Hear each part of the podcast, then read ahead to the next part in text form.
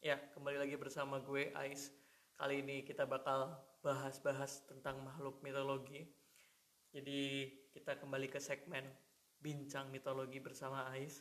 Kali ini gue bakal bahas salah satu makhluk mitologi yang sangat terkenal dalam lintas budayanya, lintas negara juga. Dia sudah terkenal di negara-negara ASEAN terutama di Asia pun sudah dikenal. Kemudian dia itu memiliki ciri khusus dan menjadi beberapa menjadi lambang negara di dua negara di Indonesia dan di Thailand. Apalagi kalau bukan Garuda. Ya kali ini bersama gue Ais kita bakal bahas tentang Garuda. Sebelum kita mulai lanjut tentang Garuda lebih lanjut cerita-ceritanya apa aja yang kita ketahui mari kita dengar intronya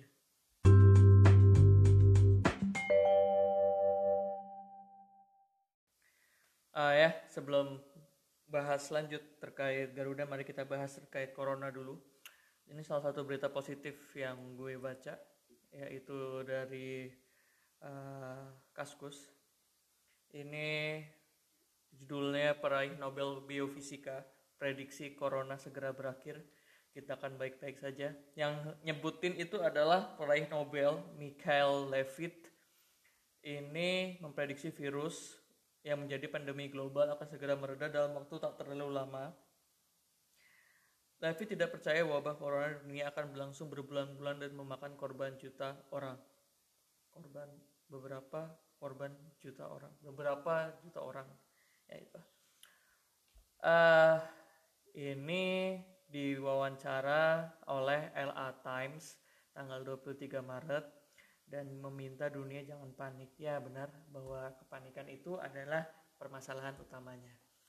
Jadi mari kita mulai membahas Garuda saja ketimbang kita bahas berita negatif ya coronanya.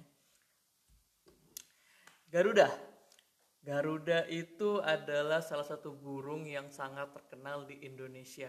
Jika lu tanya ke semua orang yang ada di Indonesia, pasti mereka tahu apa itu Garuda Garuda itu apa? Burung. Garuda itu apa? Burung.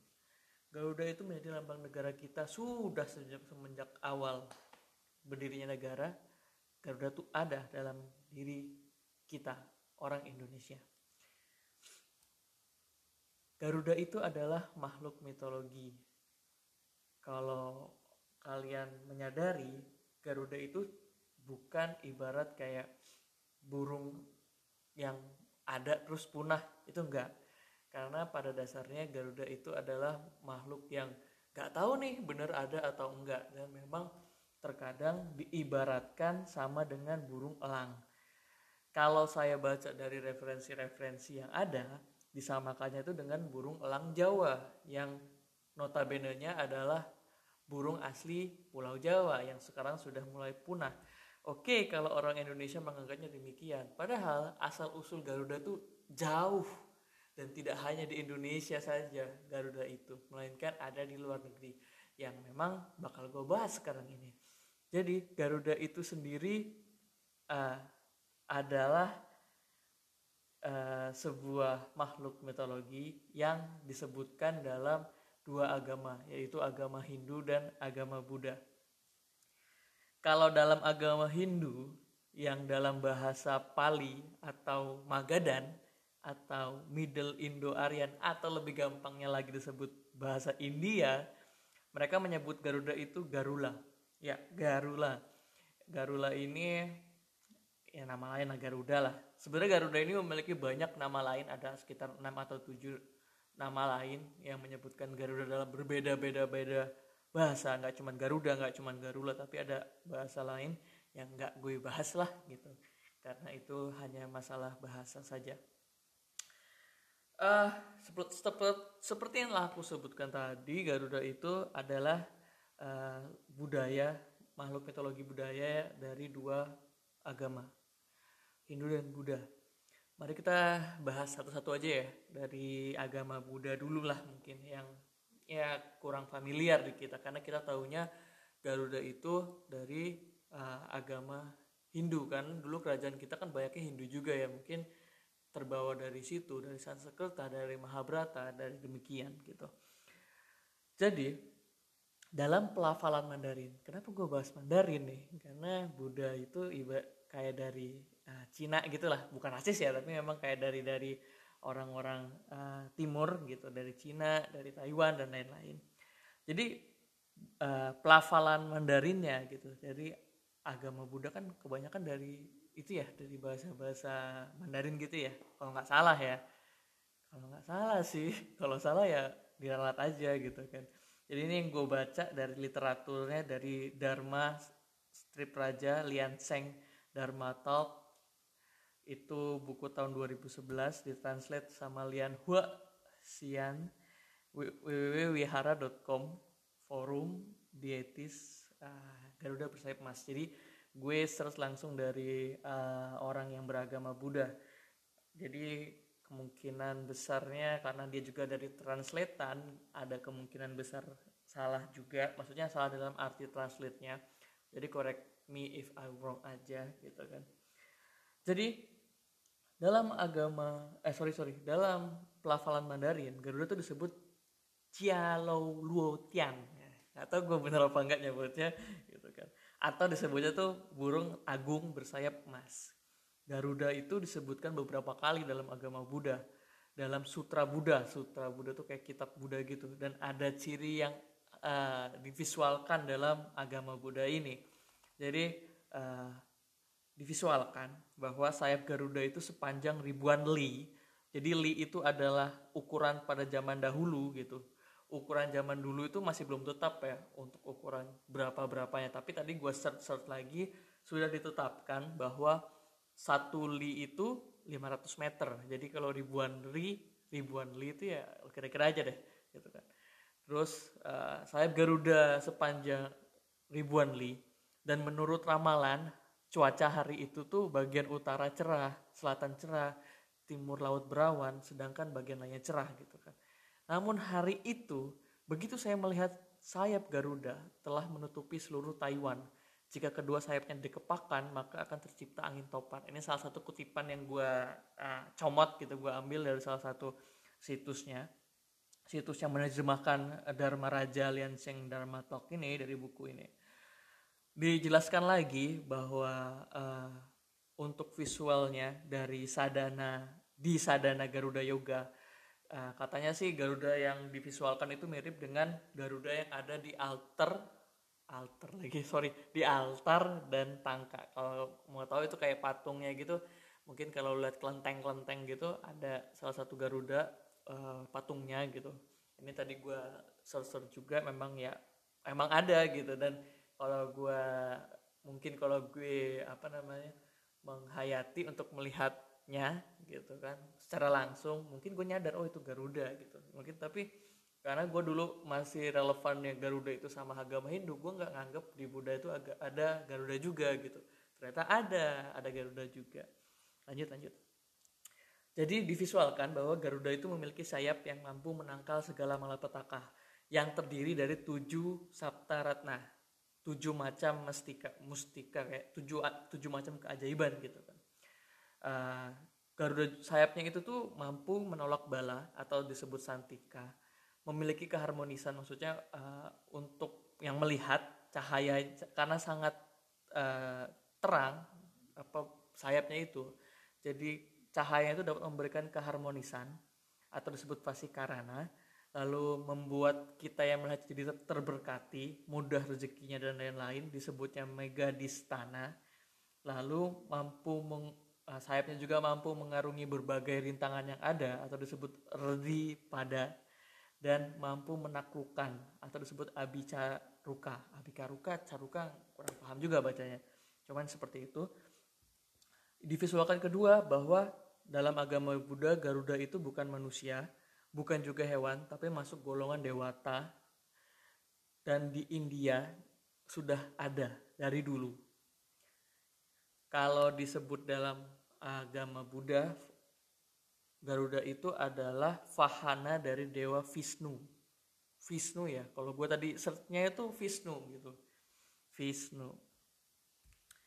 Diceritakan di dalam agama Buddha bahwa makanan dari Garuda adalah naga. Di dalam sutra Buddha tercatat Garuda itu memiliki dua cakar untuk mencengkram naga, paruh untuk mengapit naga, dan membuat delapan raja naga utama itu memohon belas kasih. Jadi mungkin ada ceritanya bahwa di dalam agama Buddha itu ada delapan raja naga utama. Uh, yang kemudian karena takut dengan Garuda ini memohon belas kasih. Memohon belas kasih dengan cara apa? Yaitu mereka berdelapan itu menghadap Buddha Sekyamuni.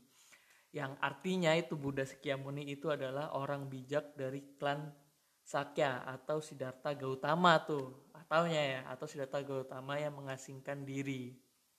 Jadi tadi gue baca karena gue juga suka baca-baca ya jadi gue baca juga sekalian aja sekalian. Tadi Buddha Skyamuni itu sebenarnya adalah uh, Siddhartha Gautama yang sudah berevolusi yang sudah menjadi lebih baik gitu kan. Orang bijak namanya orang bijak dari klan Sakya. Dan delapan raja naga ini berkata kepada sang bijak kami bangsa naga hampir punah jadi karena si Garuda ini makan bangsa naga terus mereka takut gitu mereka bakal punah. Bakal sial juga kalau mereka punah kan nggak ada naga lagi gitu. Nah kemudian karena kebijakan dari uh, karena bijaknya Buddha Skymani Sky Skyamuni ini mereka mengumpulkan raja naga delapan raja naga dan Garuda untuk berkumpul dan melakukan negosiasi lah berunding agar mereka tuh sama-sama adil gitu kan dalam cerita dalam cerita dari sutra sutra tersebut sang Buddha tuh bertanya kepada Garuda bisa nggak untuk berhenti nggak makan naga lagi? Si Garuda tuh jawab nggak bisa karena naga itu memberikan kemampuan kepada saya memberikan kekuatan energi gitu. Sehingga uh, saran dari si Buddha itu ditolak. Nah si kemudian ada solusi solusi akhirnya berunding berunding nemu solusi agar Garuda tidak mengkonsumsi naga kembali imbalannya tuh ada yaitu si Garuda akan diundang pertama kali saat melakukan pujana mega. Aku kurang paham sih tadi udah nyari pujana mega tuh masih kurang paham juga. Pujana mega itu apa? Apakah itu upacara atau apa pun aku tadi nyari masih nggak ketemu pujana mega itu apa. Malah ketemu orang-orang dari luar negeri gitu nggak ngerti juga. Dan ada juga mudra. Kalau nggak salah sih kayaknya pujana mega itu ada hubungannya dengan uh, pujatan eh puja pujatan eh, puja kayak doa doa gitu syair syair gitu doa doa doa doa ke apa jadi si Garuda itu disebutkan dalam doa gitu kan. Ya koleksi aja kalau salah gitu. Tapi kayaknya sih berkaitan dengan terse hal tersebut karena ada juga mudra yaitu gerakan tubuh dalam berdoanya berdoa gitu uh, yang dibentuk menyerupai saya burung yang kemudian digoyangkan tiga kali sambil mengucapkan mantra Garuda atau dalam uh, bahasa Budanya berdoa gitu kan. Jadi ya lumayan menarik gitu kan. Jadi di dalam cerita Buddha si Garuda itu oke okay, gue nggak makan naga lagi gitu kan. Asal di, uh, dikasih yang setimpal yaitu doa dan gerakan-gerakan dalam Buddha gitu. Lumayan gitu kan. Karena cerita yang dari Buddha itu sangat sangat sangat apa ya menarik dan lumayan relevan dengan cerita yang ada di agama Hindu gitu kan. Nah, kalau di agama Hindu, visualnya sendiri Garuda itu memiliki mahkota, lalu memiliki tubuh berwarna emas, berwajah putih, tapi memiliki sayap berwarna merah gitu. Sedangkan kalau yang di Buddha sayapnya itu berwarna emas, kalau yang di sini sayapnya berwarna merah. Karena eh kurang paham sih. Tadi di Buddha hanya sebutkan tuh uh, nggak disebutkan sih hanya sebutkan besarannya aja sih. Untuk di uh, agama Hindu dan Buddha emang agak sama ya untuk cirinya. Kemudian eh sorry sorry. Bukan agak sama sih cuman belum belum aja nemuin perbedaannya gitu. Karena disebutkan lagi bahwa Garuda itu memiliki paruh dan sayap yang sangat mirip burung elang memiliki tubuh seperti manusia dan bisa membesar juga sehingga dapat menghalangi sinar matahari Ya, kalau dilihat sama-sama menutupi um, apa cahaya matahari. Sama seperti yang disebutkan dalam agama Buddha dan di agama Hindu. Sama. Walaupun yang di agama Buddha itu uh, yang di apa menutupi itu bukan badan tapi sayap, tapi sama-sama menutupi. Bedanya adalah penggambarannya bahwa si di agama Buddha itu menggambarkan bahwa Garuda itu bukan manusia, bukan hewan. Tapi sama juga sih di agama Hindu juga memiliki uh, burung, paruhnya burung elang, lalu memiliki tubuhnya manusia gitu ya. Kurang lebih mirip-mirip lah penggambarannya kan. Memiliki cakar, memiliki paruh sama dengan yang agama Buddha kan.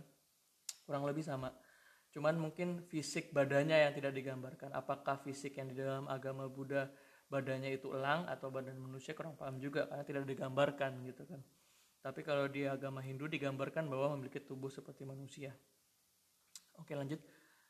Ah di dalam agama Hindu sendiri khususnya kita yang memang dulunya banyak kerajaan agama Hindu untuk ceritanya sendiri sangat banyak ya sumber tadi gue cari di beberapa sumber kisah perang Maha sorry kisah Mahabharata aja ada beberapa yang beda-beda versinya gitu.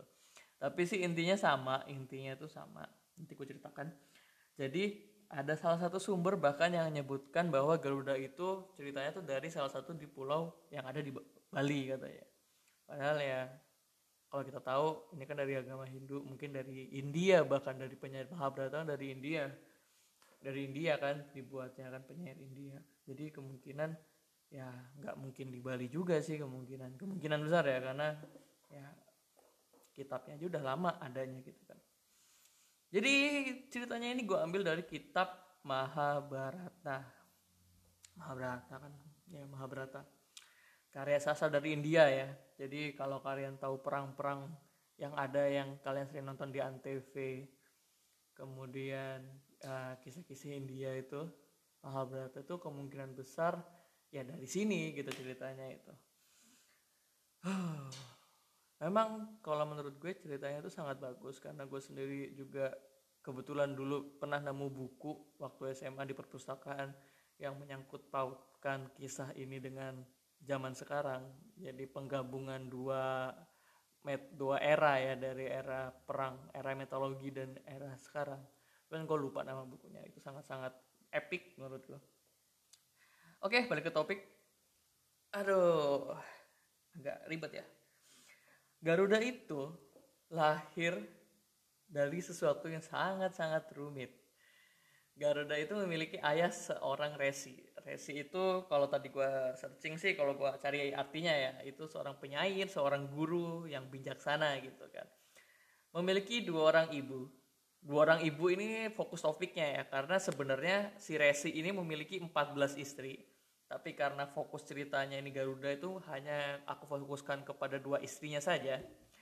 Jadi uh, satu ibu kandung dan satu ibu ibu tiri. Sang ayah itu bernama Bagawan Kasyapa. Kasyapa Kasyapa. Bagawan Kasyapa itu adalah tokoh dengan anak dan cucu yang sangat terkenal nantinya dan memiliki 14 istri yang kesemuanya itu adalah anak daksa. Daksa itu pencipta gitu kan. Jadi si ayah ini memiliki 14 istri. Setiap istri itu memiliki seorang anak atau lebih yang yang semua itu nanti akan menjadi terkenal dalam cerita-cerita yang kita kenal sekarang ya, yang mungkin bakal gue bahas juga nantinya. Hei keselak. Tapi karena gue bahas Garuda, jadi gue bahas dua ibu aja dua ibu itu namanya Kadru dan Winata. Jadi si ayah itu bernama Kasyapa memiliki istri ya, yang bernama Kadru dan Winata di antara 14 orang istrinya itu. Dan digambarkan juga pada, pada kisahnya bahwa si Kadru ini adalah seorang istri, seorang wanita yang memiliki rasa iri dan dengki kepada Winata. Aku nggak tahu sih, gue juga nggak tahu sih kenapa si Kadru ini memiliki rasa iri dan dengki kepada Winata. Cuman ya itulah sebuah cerita gitu kan. Semua cerita pasti ada yang begininya gitu. Dalam sinetron, dalam uh, ah, FTV pasti ada seseorang yang dengki dan iri sama lu. Semua kehidupan tuh demikian gitu. Mungkin kehidupan kita, kehidupan kalian juga memiliki ada yang memiliki rasa iri dan dengki gitu. Jadinya sabar saja gitu kan. Mari kita jalani seperti Winata yang tak ceritakan seperti sekarang ini ya. Konon katanya dua orang istrinya ini sangat sulit untuk memiliki anak setelah sekian lama menikah dengan si Kasyapa ini. kemudian suatu hari gitu kan si Kasyapa ini memberikan si Kadru seribu telur. Dan si Winata hanya dikasih dua telur saja nih. Nggak lama nih. Nggak pun nggak lama ya. Mungkin dalam waktunya menetas seribu telur milik Kadru itu menetas. Tes seribu tuh ya. Ada seribu menetas semua. Dan nggak ada yang gagal gitu kan. Jadi kalau ayam ada sepuluh sepuluh netas netas semua sepuluh semua gitu kan. Ini seribu netas netas semua. Nggak tahu telur apa yang diberikan ke siapa tapi seribu telurnya itu menjadi seribu ekor ular sakti gitu kan. ular dalam hal ini mirip-mirip dengan naga yang ada di cerita Buddha kan. Jadi ada kemiripan antara naga dan ular ini. Jadi mirip-mirip lah ceritanya ya, ular dan naga. Oke? Ular sakti ada seribu gitu. Bisa digambarkan bahwa ada banyak sekali seribu ular. Lu bayangin lima aja udah jijik apalagi seribu kan. Dan karena nih, karena si seribu telurnya si milik milik cih, si milik kadru ini sudah menetas dan si Winata belum. Si Winata itu kayak milik kayak punya rasa tidak sabar gitu kan. Jadi kayak eh kok punya dia udah netes ya? Seribu lagi udah netes. Punya gue dua aja belum netes netes gitu kan. Coba deh gue pecahin satu deh gitu kan. Akhirnya nih dengan rasa ketidaksabaran si Winata ini memecahkan satu telur tek gitu kan. Terus akhirnya muncul satu satu makhluk dari pecahan telur tersebut. Munculnya tuh satu ekor burung, tapi belum sempurna, tidak tidak punya kaki, dan akhirnya diberi nama Aruna. Aruna, catat ya, Aruna. Jadi Aruna ini adalah salah satu uh, mitologi juga yang mungkin sangat-sangat lumayan seru juga sih dibahas kayak kayaknya ya nantinya si Aruna ini menjadi kusir kusir dewa matahari. Ya begitulah. Oke dan satu telur lagi ini yang masih belum dipecahkan tuh disimpan baik-baik sama si Winata yang akhirnya lama kelamaan setelah diengkremin sekian lama menetas juga menjadi Garuda. Yaitu asal usul Garuda dari mana dia uh, lahir akhirnya tahu kan dari telur gitu kan telur dari mana? Telur dari siapa? Yang lu nggak tahu juga itu telur apa sebenarnya. Tapi jadi telur juga eh jadi burung juga akhirnya. Oke kisah yang mulai ada ada apa namanya? Ada rasa ada rasa sih ada nilainya itu dimulai dari sekarang. Nah sewaktu-waktu nih dewa-dewa dari agama Hindu dan dewa-dewa yang adalah gitu kan. Ada asura asura ya? Eh pokoknya ada dewa-dewa gitu kan. Mereka tuh sedang mencari air kehidupan atau disebutnya tirta amarta di lautan gitu kan. Caranya tuh lumayan simpel sih cara nyarinya yaitu dengan mengudak-ngudak mengudak-ngudak sih mengaduk lautan yang ada di bumi gitu. Diaduk-aduk diaduk-aduk diaduk-aduk diaduk-aduk diaduk-aduk diaduk-aduk nggak lama setelah pengadukan gitu muncul makhluk yang kita sebutnya kuda tapi dia memiliki tapi dia bisa terbang gitu kan. Nggak tahu namanya itu kudanya bisa terbang atau kudanya punya sayap terus terbang nggak ngerti juga. Cuman dia disebutkan bahwa itu kuda terbang. Itu disebutkan bernama Uca Ucaiha Suara Ucai Suara ya itulah. Ucaiha Suara tulisannya gitu S W A Suara ya kalau orang awam sih taunya Pegasus aja kan tuh punya sayap gitu kan. Nah kemudian si Kadru Kadru dan Winata ini yang memang lagi gabut mungkin ya. Si yang gabut dan melihat para dewa sedang mengaduk-aduk itu uh, punya ide lah. Si Kadrus yang punya ide. Jadi dia kayak ngajak taruhan sama si Winata. Woi gue bosen nih. Yuk kita taruhan yuk gitu. Jadi si Kaldru itu dengan nada sombongnya bukan nada sombong ya ya pemeran-pemeran villain gitu kan penjahat antagonis pasti kayak gitu kan. Ah kita taruhan katanya. Tapi yang kalah harus menjadi budak yang menang ya seumur hidup katanya. Gitu. Dan Winata sih heranya sih menyanggupi ya. Nggak tahu dia memang orang yang baik atau memang sudah punya dendam juga. Tapi kalau gue sih ngeri ngeri sedap ya kalau taruhannya seperti itu. Cuman dia wanita pemberani jadi ceritanya taruhannya itu simple yaitu menebak warna kuda terbang yang keluar dari aduk-aduknya para dewa itu jadi si ucai suara itu ucai suara itu bakal ditebak warnanya oleh Kadru dan Winata. Tebakan simpel kok, cuman menyebut warna hitam atau putih gitu. Si Winata menebak putih, si Kadru menebak hitam. Gak sangka sih, uh, jadi pas mengaduk-aduk si kuda terbang itu keluar. Sebelum keluar tuh si anak-anak dari Kadru itu seribu ular sakti itu sudah melihat bahwa yang keluar itu nantinya kuda hitam.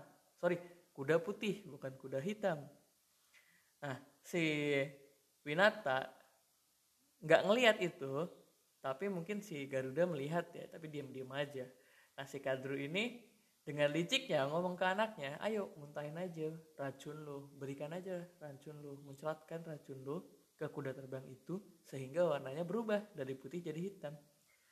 Dan dilaksanakan dan dilaksanakanlah uh, hal tersebut sehingga kuda yang menjadi putih menjadi sorry kuda yang dari putih menjadi hitam. Pekat mungkin hitam pekat karena kena racun ya tidak alami dia. Dan kita duga bahwa Winata kalah dan menjadi budak dari Kadru si Garuda yang kesel dan tahu akan hal tersebut kesel lah dia sama anak-anaknya dari Kadru ini. Berantemlah mereka kan? Garuda lawan seribu ekor ular sakti gitu. Sudah bisa ditebak yang menang siapa yaitu tidak ada yang menang kawanku jadi peperangan itu perang ya kita sebutnya karena seribu lawan satu. Karena perang itu sangat-sangat seimbang menghabiskan waktu siang dan malam berhari-hari hingga uh, mungkin sang ular juga capek juga kali ya seribu seribu doang seribu doang lagi seribu banyaknya melawan satu doang gitu kan. Dan akhirnya memberikan gencatan senjata istilahnya gitu. Jadi memberikan kejutan senjata kepada si Garuda. Bahwa uh, oke okay, gue bakal ngelepasin ibu lo. Asalkan nih asalkan lu memberikan kami air kehidupan atau tirta amarta itu yang seperti gue bilang yang tadi dicari dewa-dewa yang duduk kudak dan memberikannya kepada gue dan emak gue gitu. Kenapa sih diberikan seperti itu? Karena air kehidupan ini bisa memberikan kehidupan yang abadi gitu kan. Jadi siapa sih yang nggak mau kehidupan abadi gitu kan? Mungkin begitu pikirannya. Oke kata Garuda. Demi mak gue gue bakal nyari itu gitu. Sebenarnya gampang nyari itu itu sudah ditemukan oleh dewa-dewa. Yang berarti airnya ada di kayangan si Garuda terbang ke kayangan mengobrak-ngabrik kayangan melawan dewa-dewi yang pastinya pada kalah. Karena dewa-dewi itu mungkin dewa-dewi minor ya tidak seimbang dengan kekuatan Garuda yang memang kuat dan perkasa ditambah dengan tekadnya untuk menyelamatkan ibunya sendiri. Dihajarlah dewa-dewa hingga akhirnya sang Wisnu yang memiliki air kehidupan ini turun tangan bertanya kepada Garuda secara baik-baik kenapa Garuda? Lo ngobrak-ngabrik ke tempat ini. Kenapa kamu membutuhkan air kehidupan ini? Tadi teriak-teriak kayak gitu. Mungkin ya mungkin ya. Jadi oke okay lah gue gue kasih solusi deh kalau gitu. Kan itu habis Garuda ceritakan ya. Mungkin dia si Garuda ceritakan ah, ibunya kalah ke kalah taruhan sama si Kadru lah dicurangi sama anak-anaknya lah kita perang sama si anak-anak Kadru lah diceritakan semuanya si Dewa Wisnu itu ngomong gini oke okay lah kalau gitu nggak masalah gue berikan nih air kehidupan buat lu. Cuman ah, syaratnya nih lu bakal jadi tunggangan tunggangan gue ya. Mungkin zaman dulu tidak ada mobil-mobil bagus jadi hewan saja bukan hewan sih dewa juga ditunggangan oke gue bakal menjadi tunggangan lu dewa gitu kan. Oke gue bakal jadi tunggangan. Akhirnya semenjak saat itu si Garuda itu menjadi tunggangan dewa Wisnu. Dan memang ini menjadi salah satu spot budaya yang uh, istilahnya merubah kebudayaan secara total yang menggambarkan dewa Wisnu pasti menunggangi Garuda. Dan ini sudah digambarkan di budaya-budaya banyak budaya ya kayak di Bali itu ada di patungnya lalu ada lukisannya bahwa Dewa Wisnu menunggangi uh, Garuda. Bahkan ada di uh, Arca Arca namanya. Di candi di salah satu candi yang ada. Aku baca tadi. Lupa masukinnya jadi semenjak saat itu mulailah uh, diabadikan bahwa Garuda itu sebagai tunggangan dari Dewa Wisnu. Akhir kata si Garuda itu mendapatkan air kehidupan dan segera kembali lagi ke tempat para ular dan dan ibunya ya pastinya kan. Diletakkanlah itu uh, apa namanya air kehidupan di atas alang-alang. Dan si Garuda itu memberikan informasi dari Dewa Wisnu bahwa ketika kamu ingin menggunakan air kehidupan maka bersucilah terlebih dahulu. Maka si ular-ular tersebut segera lari ke sungai untuk membersihkan diri. Ketika ular-ular itu mandi di uh, di sungai ada dewa Indra yang yang kebetulan lewat ya kebetulan lewat kebetulan lewat dan mengambil air kehidupan. Di beberapa cerita yang gue baca sebenarnya si dewa Indra itu nggak nggak kebetulan lewat tapi memang mengetahui bahwa air itu dicuri. Mengetahuinya air itu dicuri sehingga uh, datang ke tempatnya ular-ular dan Garuda bertempur dengan Garuda hingga Garuda itu luka parah. Eh sorry hingga si Dewa Indra yang luka parah. Garudanya juga pasti luka parah lah ya pasti karena Dewa Indra yang dilawan gitu. Namun air yang uh, yang diambil oleh Garuda tuh berhasil diambil kembali oleh si Dewa Indra gitu kan. Itu lain cerita itu itu uh, another story ya another sumber sih kayak gitu. Sumber lain tuh ceritanya seperti itu. Nah ketika para ular kembali melihat air kotak air itu udah nggak ada di atas ilalang eh ilalang sorry. Di atas alang-alang ya di atas alang-alang. Dan hanya ada tetesan air itu di alang-alang si ular tuh buru-buru lah gitu kan. Buru-buru cepet. Sehingga si ular tuh menjilat alang-alang set dengan lidahnya. Dan membuat lidahnya terbelah menjadi dua karena alang-alang ujungnya pada tajam semua. Sehingga ular hingga sekarang lidahnya terbelah menjadi dua. Jadi itu uh, ada adalah ada asal usul terbelahnya ular lidah ular juga ya selain asal usul dari Garuda kan. Ya ceritanya seperti itu. Jadi Garuda berhasil menyelamatkan ibunya dari kekuasaan uh, si kad si mak tirinya gitu kan saya bilang. Jadi sangat-sangat baik lah Garuda ini kalau bisa dibilang itu dalam kisah dari agama Hindu mungkin ada relevansi yang lumayan mirip dengan yang ada di agama Buddha. Mereka sama-sama uh, memakan membenci apa ular atau naga di dalam ini. Kemudian mereka juga digambarkan memiliki sayap yang sangat lebar. Dan tidak hanya di uh, negara-negara yang mayoritas yang kita tahu ya seperti India, Indonesia yang tahu tentang Garuda, tapi ada juga negara-negara luar yang mengetahui selain kita yaitu ada negara Jepang. Jadi negara Jepang itu juga memiliki Garudanya sendiri yang disebut dengan Karura. Karura ini digambarkan memiliki tubuh manusia dan kepala elang. Ya mirip-mirip dengan yang ada di agama Hindu, memiliki tubuh manusia dan kepala elang. Jadi makhluk yang ada di Jepang ini Karura ini adalah makhluk mitologi dari agama Hindu Buddha yang diadop diadapta, diadopsi ya diadopsi diadaptasi dari uh, penyebaran agama Hindu Buddha yang ada di Jepang. Jadi memang itu hanya adaptasi dari Garuda yang ada. Karena penyebutan Karura sendiri adalah penyebutan yang sama dengan Garuda. Kalau dalam bahasa Jepang itu sama dengan Garuda ya itulah uh, pembahasan sedikit terkait Garuda. Ya gua rasa sih udah udah cukup lengkap ya karena gue juga ngebahas dari sisi agama Buddha dan agama Hindu. Tapi mungkin cerita yang terkenal sih hanya cerita itu ya. Tapi nanti gue cari lagi ke, kemungkinan besar ada peran Garuda di dalam perang Mahabharata uh, memang Garuda ini adalah salah satu makhluk yang sangat-sangat oke okay menurut gue karena bisa menjadi budaya dalam negara yaitu negara Indonesia negara Thailand bahkan menjadi logonya uh, ibu kota dari Mongolia yaitu Ulaanbaatar. Dari kesenian, dari patungnya, dari patung yang ada di Bali itu yang sangat besar, burung Garuda. Lalu ada mempengaruhi band juga band dari uh, Florida Amerika Serikat band metal tepatnya Morbid Angel bahkan menjadi logo perusahaan perusahaan Garuda. Ya memang sangat-sangat berpengaruh sih Garuda yang dalam kehidupan kita dalam konteks kehidupan. Uh, sekian pembahasan gue terkait Garuda makhluk mitologi Garuda. Mungkin nanti bakal uh, gue bahas lagi terkait kalau ada bahasan terkait Garuda ya. Tapi so far sih gue belum nemu cerita yang menarik terkait Garuda. Cuman terkait kisah Mahabharata ini dan ah turunan-turunannya lalu dari saudara-saudara dari Garuda ini cukup menarik juga termasuk terkait naga tadi karena naga juga menjadi bahasan seperti naganya timur, naganya barat, naga itu ular atau apa pun itu sangat-sangat menarik menurut gue. Uh, itu aja sih menurut gue jaga kesehatan untuk kalian karena virus covid ini eh, sangat-sangat uh, spesial bisa membuat kalian mendekam di rumah menjadi introvert dan menjadi putih kulit kalian serta menjadi menambahkan berat badan kalian.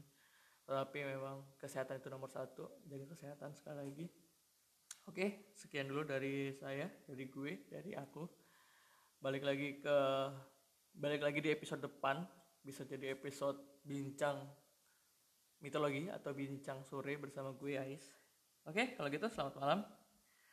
Sampai jumpa